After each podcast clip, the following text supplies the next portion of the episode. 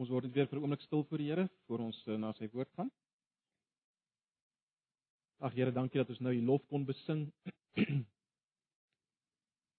nou is ons verwagting dat U met ons sal praat deur U woord. Ag Here, ons is ons is hier om te hoor wat U vir ons wil sê. Ek vra dat U U woord vanoggend sal gebruik om ons te bemoedig, te versterk, maar ook aan te spreek wanneer nodig. Here, ons is afhanklik van U en U alleen deur die werking van U Gees om vanoggend met ons te praat. U ken my eie swakheid, my gebrokenheid, my sonde. Maar ek wil ook maar net vanoggend met vrymoedigheid kom op grond van Jesus en dit wat hy in my plek gedoen het en in ons elkeen se plek en vra dat U met ons wil praat. Deur die woord en die werking van die Gees. Asseblief. Ons vra dit in Jesus se naam. Amen. Kom ons eh, kom ons bly weer na Hebreërs.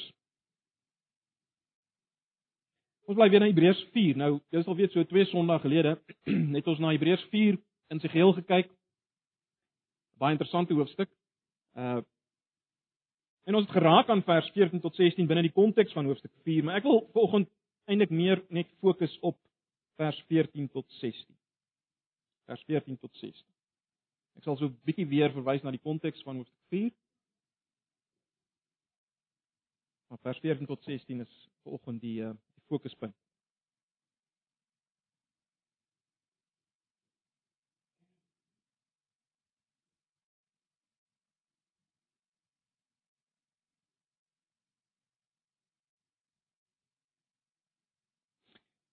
Vers 14. Terwyl ons dan nou 'n groot hoofpriester het wat reeds deur die hemele gegaan het, Jesus, die seun van God, laat ons vashou aan die geloof wat ons bely. Die hoofpriester wat ons het, is nie een wat geen medelee met ons swakhede kan hê nie. Hy was immers in elke opsig net soos ons aan versoeking onderwerp, maar hy het nie gesondig. Kom ons gaan dan met vrymoedigheid na die genade troon sodat ons barmhartigheid en genade ontvang en op die regte tyd gered kan word.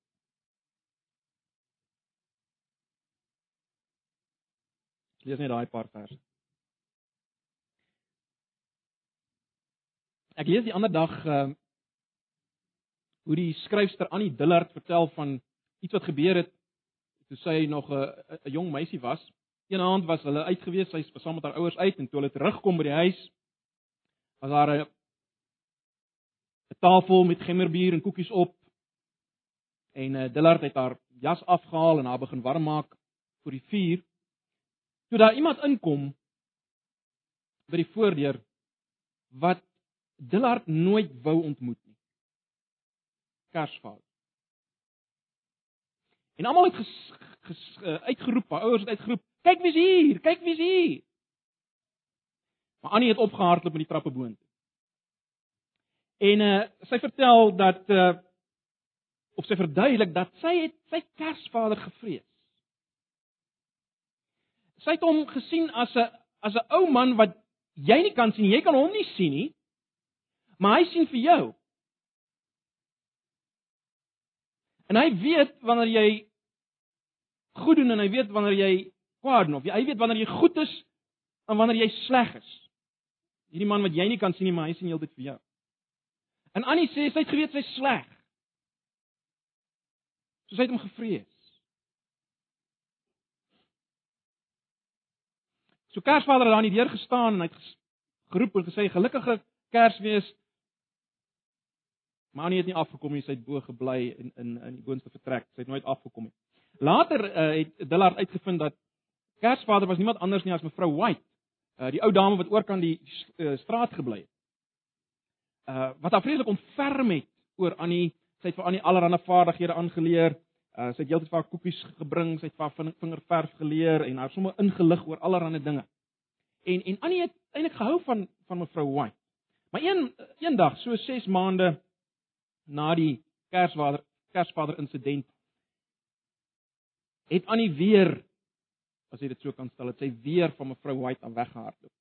Uh die dag se les wat mevrou White met haar behandel het, as jy dit so kan noem, uh het gegaan oor uh, of of laat ek dit so stel, dit het 'n vergrootgat 'n vergrootglas behels. 'n Vergrootglas was deel van die van die les gewees. En uh mevrou Dillard, ag mevrou White het ehm um, het die het die het die lig van die het die, die sonlig gefokus deur die vergrootglas op Annie se hand. Sy wou gehad het sy moet so 'n bietjie iets van hierdie hitte voel op haar hand. Maar per ongeluk uh het het sy toe vir Annie gebrand met die vergrootglas. En uh onmiddellik het sy hand weggeruk en sy het skreeuend weggehardloop.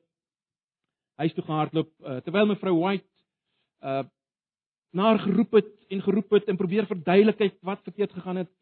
Maar Annie het nie weer teruggekom nie, sy het net weggegaan. Nou die skryfster Dillard verwys na hierdie uh belewing van haar en en en en dan wys sy hoe dit haar verhouding met God beïnvloed het of as ek dit so kan stel, hoe dit haar verhouding met God as te ware weerspieël het, parallel daaraan geloop het. Uh sy sê die volgende en ek lees dit maar in Engels. Even now I wonder if I meet God, will he take hold my bare hand in his and focus his eye on my palm and kindle that spot and let me burn? But no, it is I who misunderstood everything and let everybody down. Miss White, God, I'm sorry I ran from you. I'm still running, running from that knowledge, that I, that love from which there is no refuge. For you meant only love and love, and I felt only fear and pain. So once in Israel, love came to us incarnate, stood in the doorway between, between two worlds, and we were all afraid. Dis hoe Delar dit beskryf. Ag, nou broers en susters, uh, my gebed vir oggend is, is werklik dat nie ek of een van julle so sal dink oor God soos Dillard oor God gedink het. Soos hy oor Kersvader gedink het en mevrou White gedink. My gebed is dat ons nie sal sal weghardloop van hom nie. Inteendeel, dat ons die teenoorgestelde sal doen. En dis hoekom ek wil hê ons moet vanoggend uh, net kyk na vers 14 tot 16 van Hebreërs 4. Ons moet daar 'n bietjie daarop fokus. Kom ons kyk na vers 14 tot 16. As jy kyk na vers 14b, dan sien jy daar's daar's weer 'n oproep van die skrywer. As jy wil 'n imperatief, 'n oproep. Laat ons vashou aan die geloof wat ons bely. Dis die oproep. Laat ons vashou aan die geloof wat ons bely. Nou die woord vashou wat hier gebruik word, word heel wat kere in die Nuwe Testament, ek dink so 47 keer in die Nuwe Testament gebruik vir die vashou aan iemand, né? Nee, dit is die woord wat gebruik word as as Jesus uh 'n malaatse se, se hand of of 'n siek persoon se hand gegryp het of as die uh die lamman Johannes en Petrus vasgegryp het, dan word hierdie ge woord gebruik. Dan word hierdie woord gebruik. Maar in Hebreërs uh gebruik die skrywer dit om te verwys na jou kommitment jou verbintenis. Dit is nie 'n lekker Afrikaanse woord altyd nie. Jou verbintenis of jou kommitment tot jou uh, tot iets buite jouself, waartoe jy jou verbind. Dis hoe die skrywer hierdie woord gebruik. Laat ons vashou. Hy verwys na hierdie kommitment, hierdie verbintenis. En hy sê hulle moet committed bly, verbind bly tot die geloof wat hulle bely. En uh, ek het al daarna verwys, waarskynlik het hulle dit bely tydens hulle doopgeleentheid die geloof in Jesus en wat hy gedoen het en wie hy is vir hulle. So die skrywer sê bly verbind daartoe. Laat dit wys in julle hele lewe dat julle verbind is daartoe. Dis dis die gedagte hier agter, né? Nee. Wys deur julle hele hele lewe deur 'n leefstyl dat julle verbind is, committed is tot hierdie belydenis. Laat toe dat dit wys ook in die manier hoe jy oor God dink en hoe jy hom hanteer. Jy kan nie verbind wees hiertoe en en in jou leefstyl, jou manier van lewe en optrede wys jy's verbind tot iets anders nie. Nee, dis die gedagte agter hierdie oproep. Wees verbind. Laat ons vashou aan die geloof wat ons bely. Maar waarom maak dit sin om daaraan vas te hou? Waarom maak dit sin om vas te hou aan hierdie belydenis? Dit wat hulle bely. Wel, vers 14a. omdat hulle 'n hoëpriester het. Jesus. Nou, broers en susters, uit uiteraard is die die hele gedagte van hoe van 'n hoëpriester is bietjie vreemd aan ons belewing, nê. Nee, ons ons ons ons ons het nie meer hoëpriesters nie. So ons weet nie lekker presies altyd hoe ons daaroor moet dink nie. Baie van ons het waarskynlik 'n kinderbeeld gedagte van die hoëpriester, 'n uh, ou met 'n sekere met sekere klere aan en so meer. Die groot gedagte wat die Hebreërskrywer wil uitlig uh rondom 'n hoëpriester is die feit dat hierdie man, die hoëpriester het tussen God en die mense gestaan, né? Nee. Hy het na God toe gegaan in die plek van die mense. Hulle kon nie direk tot God nader nie. Hy het. Hulle kon nie verzoening doen vir hulle sondes nie. Hy het in hulle plek verzoening gedoen. Hy kon in die allerheiligste ingaan, né? Nee. Hy kon met God praat, hulle kon nie. Hulle kon nie. Nou, die die die Hebreërskrywer wil wil hê dat ons verstaan dat Jesus is so, maar Jesus is ook baie meer. Jesus is so soos hierdie hoëpriester, maar hy's baie meer. Hy staan nie as te ware net tussen God en ons nie. Hy vat ons na God. Dit is wat die skrywer wil hê ons moet raak sien. Hy vat ons na God. Hy wil hê ons moet kom daar waar hy is. As jy wil, hy hy skeer as te ware al die morele en ritualistiese hindernisse wat ons vrye toegang tot God as te ware blokkeer. Hy vat dit weg sodat ons vrye toegang tot God kan kry. So hy maak vir ons die pad oop. Dat ons kan kom daar waar hy is. Dis die groot gedagte. Baie belangrik ook. En ons vergeet dit dikwels. Die klem op Jesus se hoëpriesterskap lê klem op iets anders wat uiters belangrik was vir die vroeë Christene. Dit lê klem op die mensheid van Jesus. Jy sien die hoëpriester was 'n mens. Ons sien dit byvoorbeeld in hoofstuk 5 vers 1. Hoëpriester is iemand uit die mensheid. En broers en susters, dis iets waaraan die vroeë Christene vasgehou het. Jesus het as mens opgevaar en is as mens nou by die Vader. Ons moet dit verstaan. Verheerlik ja, maar as menslike wese. Dis die hele punt dat hy lewend opgevaar het. Net wel na hy verheerlik het, verheerlik is dit hy nog saam met die ouens geëet op, nee, onthou jy? Maar hy's daar vir ons as mens. Verheerlik ja, maar as mens. En dis baie belangrik. En en die hoëpriesterskap bevestig dit. Hy is soos ons eendag gaan wees. Nou al. Hy is die eersteling van die nuwe mensheid. En die hoëpriesterskap beklemtoon dit. En daarom juis omdat hy nog steeds mens is, kan hy simpatiek wees teenoor ons. Nee, kan hy medelee hê. Dit waarna uh, vers 15 verwys. Hy kan medelee hê.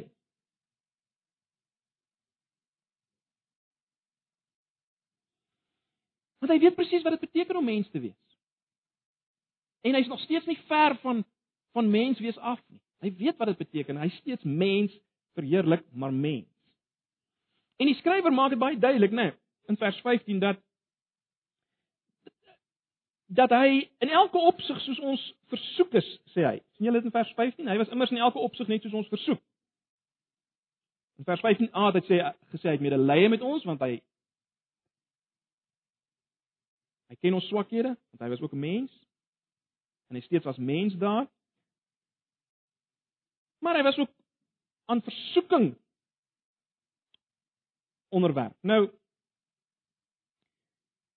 As ons lees hy hy was immers in elke opsig net soos ons versoek. Dan moet ons nou nie dink dat Jesus het presies dieselfde versoekinge as ons gehad nie. Met ander woorde dat versoekinge in dieselfde vorm na hom gekom het nie. Natuurlik nie. Ek meen, hy het nie onder die versoeking gestaan om te veel televisie te kyk of om heel op heeldag op sy selfoon te speel.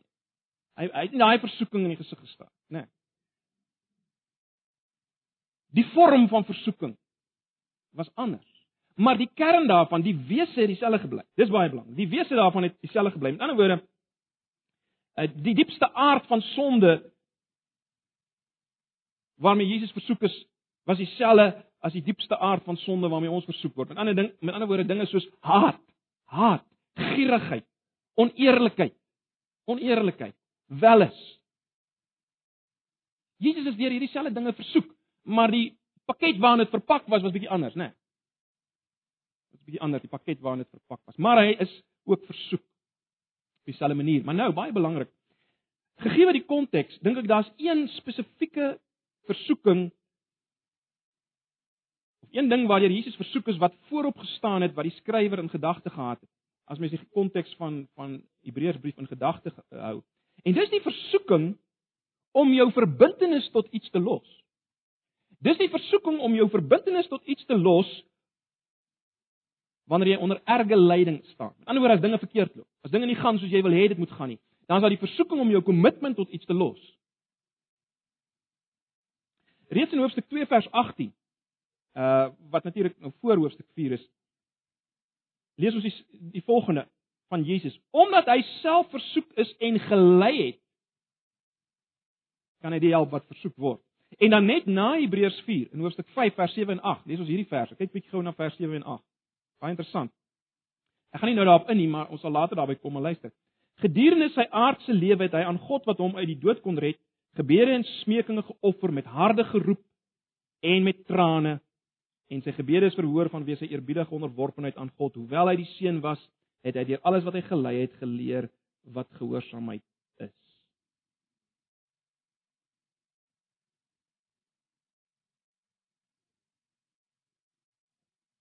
Nou vers 7 tot 8 in Hoofstuk 5 verwys na verskeidelik na daai stryd wat Jesus gehad het net voor hy gekruisig is.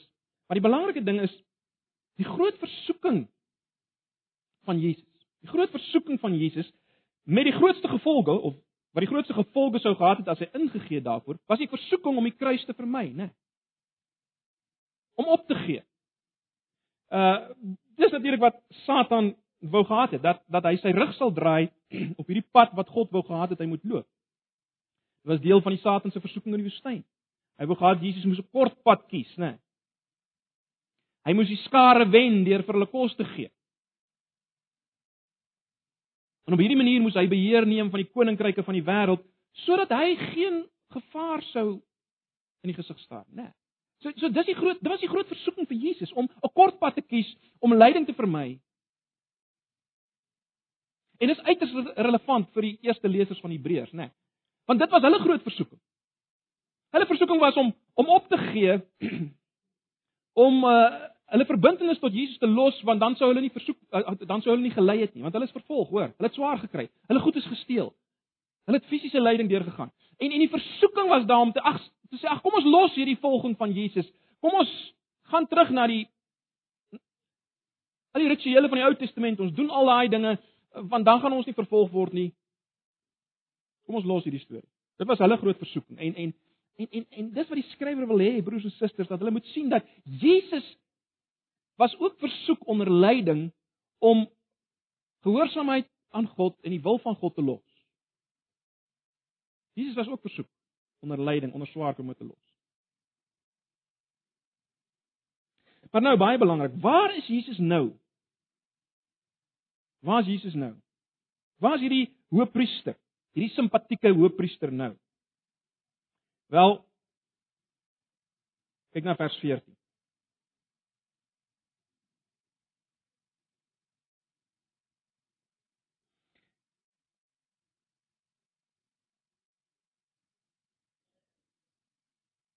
Lees daai het reeds deur die hemele gegaan. Deur die hemele gegaan.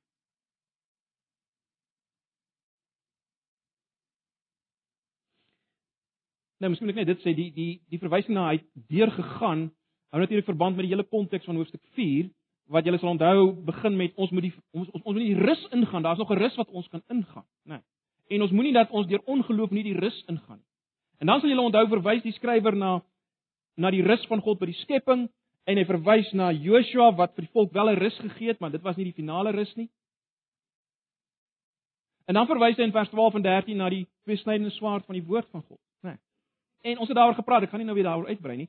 Ons het daaroor gepraat dat dit interessant is dat die ouens by Eden, Adam en Eva kon nie teruggaan in die rus wat hulle beleef het na die skepping nie, want daar was 'n man met 'n swaard voor die tuin.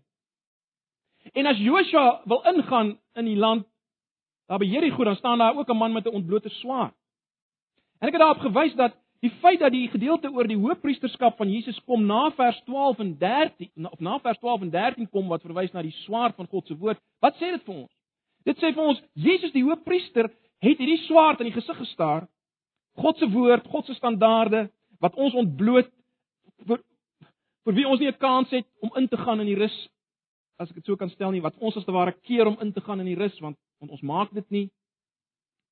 Jesus die hoofpriester het onder die swaard van God se oordeel gekom in ons plek as hoofpriester en nou kan ons ingaan, né? Nee, so dis die dis hoekom hy die die term ingaan gebruik. Maar nou baie belangrik, waar is hy nou? Die skrywers praat van hemele. Hy's in die hemele. Ja, miskien het julle al, julle al gewonder daaroor of dalk het julle nog nooit daaroor gewonder nie, maar hoekom hemele? Nou, verskeie Joodse geskrifte van van hierdie tyd praat van verskillende vlakke van die hemel. En ons kry dit in die in die Bybel self, né? Nee. Paulus praat byvoorbeeld in 2 Korintiërs 12, sal julle weet oor die feit dat hy opgeneem is tot in die derde hemel. Paulus sê hy is opgeneem tot in die derde hemel. Salomo, as hy die tempel bou, sê in sy gebed, die hemele, ja die hoogste hemele kan God nie bevat nie. So, broers en susters, die indruk wat 'n mens kry, alhoewel verskillende skrywers dit bietjie verskillend stel, die indruk indruk wat 'n mens kry is dat daar binne die hemel nou met die hemel verwys ons na na God se se kant as te ware van die van die uh tweekantige geskape orde, né? Nee, ons is aan die een kant op aarde, daai tydruimtelike deel. God se kant is die hemel. Maar die indruk wat ons kry in die Bybel is dat in hierdie hemel is daar verskillende vlakke en en en die heel binneste een, as jy dit so kan stel. Die heel hoogste vlak, die heel binneste een is een waar God is, waar God bly. Dis een waar God bly. En die gedagte nou hier in Hebreërs is dit. Jesus nadat hy gesterf het in ons plek onder God se oordeel. Die swaar deurgegaan het in ons plek. Nadat hy dit gedoen het, het hy in die hemele ingegaan, maar maar nie net rustig ontspan as ek dit so kan stel met alle respek gesê nadat hy die werk gedoen het in een vlak van die hemel en nie. Nee, hy gaan deur, hy gaan deur, hy gaan deur tot by God. tot in die binneste hofsaal. En wat doen hy daar? Wel hy's daar vir ons. Hy's vir ons daar. Dis die punt. Dit word nie eksplisiet hier so gestel nie, maar in die res van die Nuwe Testament kry ons die gedagte dat hy ons daar verteenwoordig, dat hy intree vir ons, né? Nee. Dat dit wat hy op aarde vir ons gedoen het, die werk wat hy gedoen het, hy implementeer dit as te ware daar in ons plek voor die Vader. Nee, dis die gedagte wat ons kry. Luister byvoorbeeld na 1 Johannes 2 vers 1. 1 Johannes 2 vers 1 wat wat die skrywer sê, dit skryf ek aan julle my liewe kinders dat julle nie moet sondig nie en as een van ons sondig, ons het Jesus Christus die regverdige as ons voorspraak by die Vader. Ons het Jesus Christus die regverdige as ons voorspraak by die Vader. En dan natuurlik die baie bekende Romeine 8 vers 34. Wie kan ons veroordeel? Christus Jesus het gesterf, maar meer as dit, hy's uit die dood opgewek. Hy sit aan die regterhand van God. Hy pleit vir ons. Hy pleit vir ons. So jy kry die gedagte, né? Waar is Jesus nou? Hierdie hoofpriester wat medelee kan hê met ons. Met ons versoeking om op te gee in ons Christendom. Waar is hy? Hy's by die Vader. Hy pleit vir ons. Hy tree vir ons daarin. Elke keer as ons sondig, elke keer as ons God bedroef, dan is hy daar om om vir ons voorspraak te doen. En as te ware, ek het al vir julle gesê, maak hy sy port, portefeulje oop en hy hy wys vir die Vader as te ware fotos, fotos van sy sy sy sy lewe op aarde, sy lyding, sy sterwe nakend in die Palestynse son vir ons in ons plek. Hy wys dit vir die Vader en sê ek het dit gedoen vir vir Piet, vir Jan, vir Sunny. En hy pleit vir ons op grond van sy werk. Jy sien hy hoef nie elke keer weer verzoening te doen nie. Hy het dit gedoen, maar hy tree nou vir ons in as hoofpriester vir die Vader. Hy's daar vir ons broers en susters. En as ons swaar kry in ons worstel, dan is hy daar vir ons by die Vader. Dis die gedagte in die hemele.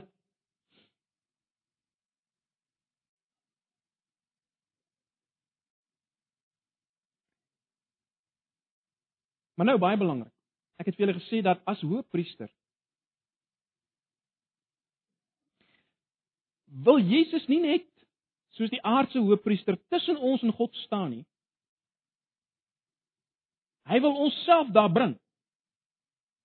Dis wat hy meer doen as die aardse hoëpriester.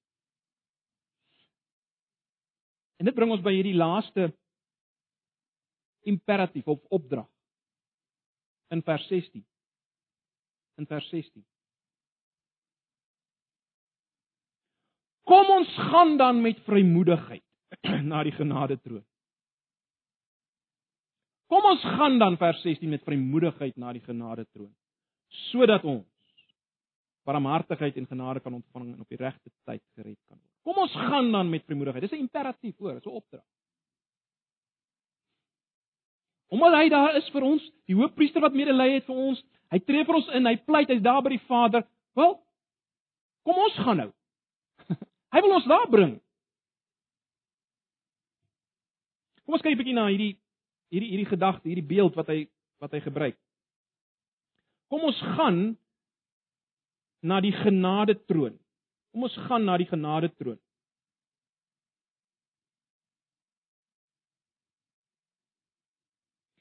Nou Daar's twee dinge wat belangrik is hier. Eerstens eerstens die gedagte van nader gaan. Uh nou weer eens die die agtergrond hiervan is die gedagte van die hoëpriester, né? Nee, die hoëpriester wat in die allerheiligste ingegaan het. Nou vir beide die die Jode en die vroeë Christene het dit simboliek geword of die simboliek geword vir gebed, né? Nee, om te nader na God. Dit gaan oor gebed. So dis wat dis wat hy bedoel. As hy sê, "Kom ons nader, kom ons gaan nader na God," dan dan wil hy sê, "Kom ons bid." Né? Nee, want dis dis dis dis die betekenis wat hierdie beeld aangeneem het. Soos die hoofpriester ingegaan het by God, wel ons doen dit nou deur gebed. So dis die eerste ding wat belangrik is hier. Die tweede ding, die verwysing na troon is belangrik want dit sê vir ons die een na wie toe gaan ons gaan het meer kapasiteit om ons te help as enige een enige ander een. Die een wat daar sit is die een wat beheer het, né? Nee, hy het gesag, hy het autoriteit. Hy kan ons help. Hy's op die troon. So gaan na hierdie troon toe. Bid. Hy het meer gesag en hy's meer in staat om ons te help as enigiemand anders. En let wel, die skrywer sê, kom ons gaan dan met vrymoedigheid. Kom ons gaan met vrymoedigheid. Hy lê klem op die vrymoedigheid. Dit is belangrik.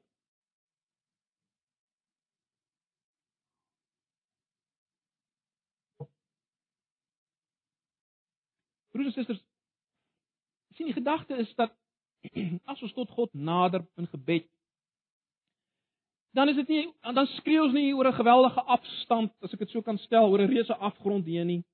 Ons skree nie na iemand wat bitter min begrip het vir ons situasie as mense nie. 'n Snaakse, hoë wese wat geen begrip het nie. Nee.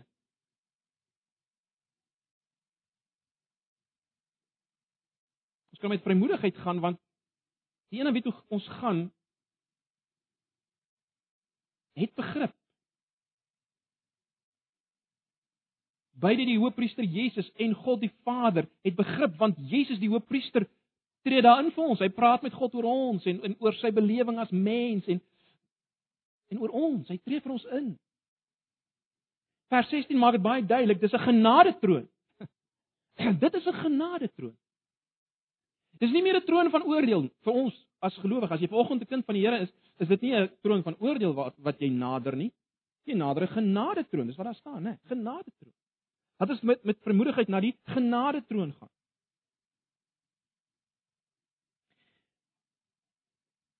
En broers en susters, hierdie hierdie vrymoedigheid natuurlik is nie arrogansie nie.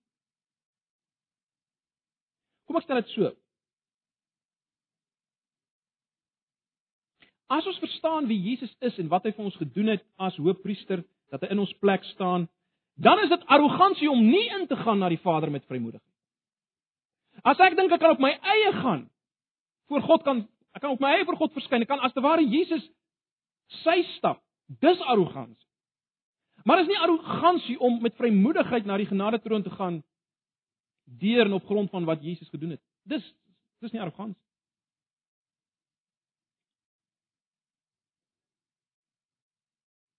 Baie belangrik. Hier's weer 'n opdrag, né? Nee.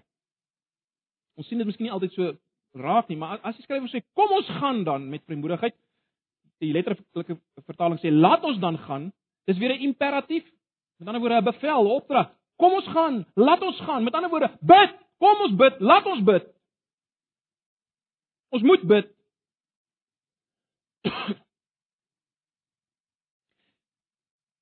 Ja, broers en susters, natuurlik weet God alles. Maar dis nie hoekom ons bid nie. Bid nie omdat ons vir hom iets moet sê wat hy nie weet nie. Dis nie waaroor gebed gaan nie. Gebed gaan oor hierdie kommunikasie, hierdie verhoudingsaspek met God. Dis waaroor dit gaan. Dis die diepste waaroor dit gaan. En oral in die skrif word ons opgeroep om dit te doen. Ag, gaan lees maar self Jeremia 33 vers 3, Jeremia 29 vers 13. Oproepe van God die volk in die Ou Testament oproep om te kom na hom toe. Kom ons nader tot hom. Kom ons gaan na hom toe.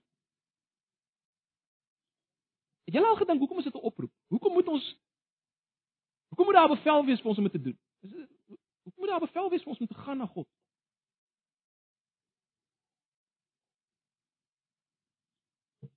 Wel broers en susters, omrede die gravitasiekrag, as ek dit so kan stel. Die aantrekkingskrag is altyd weg van God af. As gevolg van die gebroke wêreld waarin ons is, die sonde, die Satan, ons ons vlees, ons sondige natuur. As gevolg daarvan is daar altyd die gravitasiekrag weg van God. Is dit nie vreemd? Wel, dit is die dis die werklikheid, né? Nee. Daar's altyd hierdie kragte wat ons wegtrek. En daarom om tot God te nader is die mees onnatuurlikste ding in die wêreld. Dis onnatuurlik vir ons. Dis hoekom niemand dit doen nie van nature nie. Dis hoekom jou nie Christen vriende sit 'n koerant lees eerder as Bybel lees want dit is baie makliker om dit te doen. Dis hoekom ons ure sal praat oor allerlei nonsens eerder as om met God te praat en te bid, want dis ons natuurlike gravitasiekrag is weg van 'n nader tot God. Né? Nee.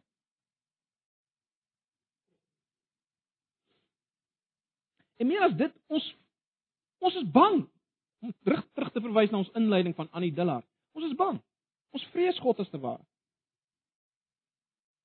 Want ons weet ons is nie heeltemal wat ons moet wees nie. So uh, dalk is hy nie gelukkig met ons nie.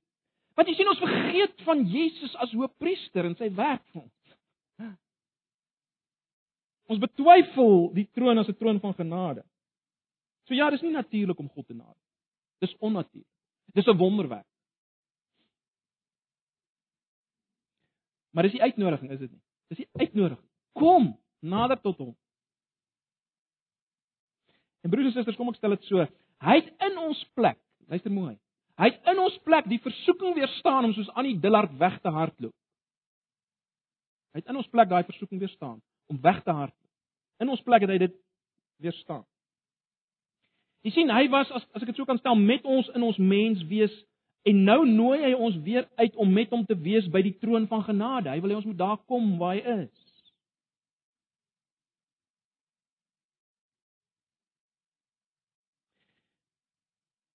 vers 15 sê ag vers 16 sê dat ons moet nader ons moet vrymoedigheid gaan na hierdie genade troon sodat ons barmhartigheid en genade kan ontvang. Barmhartigheid en genade. Nou genade weet ons is onverdiende guns aan die mense wat die teenoorgestelde verdien.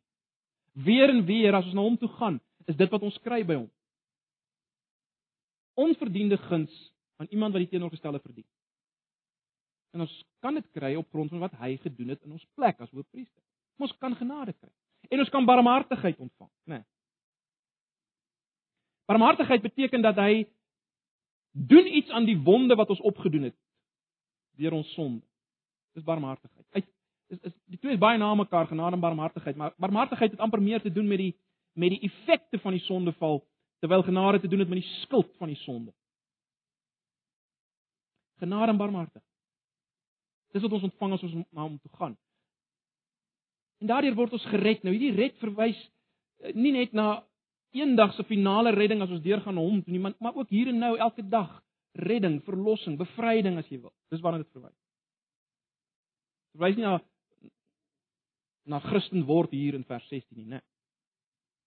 Jy moet gedurig gaan dat ons redding kan kry. bevryding kan kry. Hier by die genade troon. Ag broers en susters, dis die opdrag. Dis die oproep. Dis die oproep. Ons het hierdie simpatieke hoëpriester by die Vader en hy wil hê ons moet daar kom by hom saam met hom. Selfe plek. En ons moet hierdie dinge mooi vat en verstaan want as ons as ons later kom by die by die by die by die waarskuwings en die geweldige gevaar van afvalligheid, moet ons hierdie dinge onthou. Dis afvalligheid hiervan wat so gevaarlik. En wie wil afvallig word hiervan? Jy moet simpel wees. Om weg te hardloop soos aan die dilla. Weg te hardloop. Ag broers en susters. Ek sluit daarmee af. Hierdie hele gedeelte of deur hierdie hele gedeelte roep God na ons. Hy nooi ons om om as te ware uit ons behoeftes te kom na sy voorsiening toe. Kom uit jou behoeftes na sy voorsiening. Dis dis die oproep. Kom uit jou behoeftes na sy voorsiening. Kom uit jou geestelike koue na die warm vuur van sy genade en liefde. Kom uit. Kom uit daai geestelike koue. Kom uit jou vrees na vertroue en liefde. Ag broers en susters, laat ons tog nie wees soos honger reën deur weekte straatkinders wat weghardloop vir die warmte en die oorvloed in die huis nie. Ek weet nie waar jy vanoggend staan nie, ek weet nie wat is jou belewinge nie. Maar dit is my gebed dat dat elkeen van ons ons opnuut hiertoe sal verbind. Dis die verbintenis om te kom na Jesus, die Hoëpriester, en deur hom na die Vader. Deur gebed, meer en meer en meer. Dalk het jy is, is jy vanoggend hier as iemand wat nog nooit werklik gekom het na Jesus nie. Kom nou. Werp jouself op hom. Dis 'n manier dat jy by God kan uitkom. Daar's 'n manier hoe jy eendag voor God kan staan as dit nie is deur Jesus die Hoëpriester. En ag jy mis uit as jy nie iemand het wat vir jou intree by die een wat beheer het en mag het oor alles en die kosmos in sy hande hou nie. Jy, jy jy kan nie so leef nie. Want want dis waarvoor jy gemaak is. Jy jy is nie vir jouself nie. Die lewe draai nie om jou nie, dit draai net om God. Hy het ons vir hom gemaak. En dan as jy leef sonder hom en en nie in kontak is met hom nie, wel is jy suurstof dief. Dis nie waarvoor jy hier is nie. Dis nie waarvoor jy gemaak is nie. Dis sodat jy al meer vir jou kan insamel en en alles rondom jou kan draai. Jy is daar vir hom om tot hom te nader. Maar dit is natuurlik 'n vreugde, né? Nee, want dis dis dis jou grootste vreugde ook om tot hom te nader. Ag broers en susters, dis my gebed dat dat dit in die praktyk van ons lewens, want dis waar die gesukkel kom, né? Nee, waar sal wees dat ons sal nader tot God met vrymoedigheid op grond van die hoëpriesterskap van Jesus. Kom ons kom ons raak stil vir 'n paar oomblikke en ek vra dat jy nou hierdie oomblikke sal nader tot God met vrymoedigheid. Kom na hom. Praat met hom. Hy weet wie jy is, hy verstaan jou want Jesus is nou daar om vir jou in te tree. So, kom ons raak stil vir 'n paar oomblikke en dan sluit ek af met gebed. Ag Vader, baie dankie vir hierdie woord. Baie dankie dat ons nou met vrymoedigheid na U kan gaan en kan weet U hoor ons, U verstaan en U begrip vir ons as gevolg van Jesus se hoëpriesterskap in ons plek. Ons wil vra vergewe ons Here dat ons dikwels wegvlug van U stem en van U uitnodiging om te kom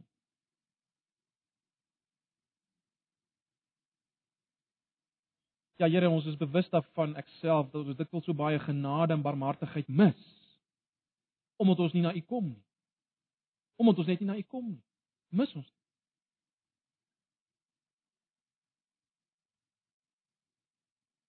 Vergewe asseblief. En of wil U deur die werking van U Gees ons almal opnuut beweeg om dit te doen wat die teenatuurlike is vir ons as mense, naamlik om aan U te nader na U te kom met vrymoedigheid.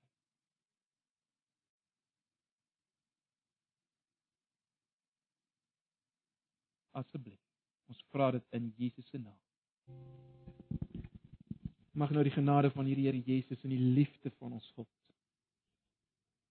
en die gemeenskap van sy Gees by julle wees in hierdie week. As julle met vrymoedigheid nader tot God se troon. Amen.